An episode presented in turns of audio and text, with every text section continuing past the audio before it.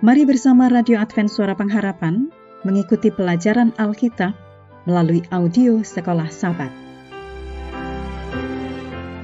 Selanjutnya kita masuk untuk pelajaran 11 periode 11 sampai 17 Maret. Judulnya Mengelola pada masa-masa sulit. Mari kita mulai dengan doa singkat yang didasarkan dari Roma 12 ayat 12. Bersukacitalah dalam pengharapan, sabarlah dalam kesesakan, dan bertekunlah dalam doa. Amin. Bacalah untuk pelajaran pekan ini dalam 2 Tawarik 20 ayat 1 sampai 22, 1 Tawarik 21 ayat 1 sampai 14, 2 Petrus 3 ayat 3 sampai 12, 1 Yohanes 2 ayat 15 sampai 17 dan Wahyu 13 ayat 11 sampai 17. Ayat hafalan kita dalam Mazmur 50 ayat 14 dan 15. Persembahkanlah syukur sebagai korban kepada Allah dan bayarlah nasarmu kepada yang maha tinggi Berserulah kepadaku pada waktu kesesakan, aku akan meluputkan engkau, dan engkau akan memuliakan aku. Sepintas dunia kita ini berputar di luar kendali, yaitu peperangan, pertumpahan darah, kejahatan, amoral, bencana alam, pandemi, ketidakpastian ekonomi, korupsi politik, dan banyak lagi.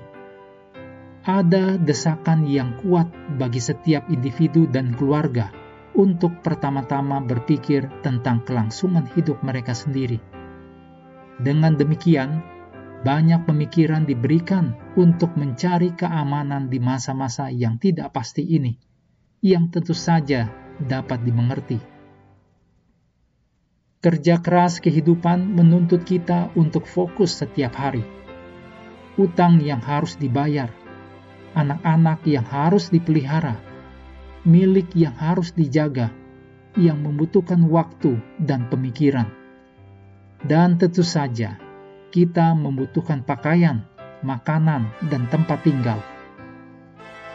Dalam khotbah di atas bukit, Yesus berbicara tentang kebutuhan-kebutuhan dasar ini dan kemudian menyatakan, "Semua itu dicari bangsa-bangsa yang tidak mengenal Allah.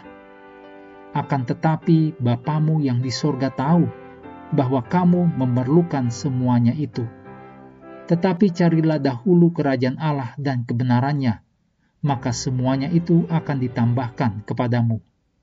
Demikian yang ditulis dalam Matius 6 ayat 32 dan 33. Di tengah-tengah masa yang sulit, ketika kita perlu untuk bersandar kepada Tuhan lebih dari sebelumnya. Ada beberapa langkah konkret berdasarkan prinsip-prinsip kitab suci yang kita harus ikuti.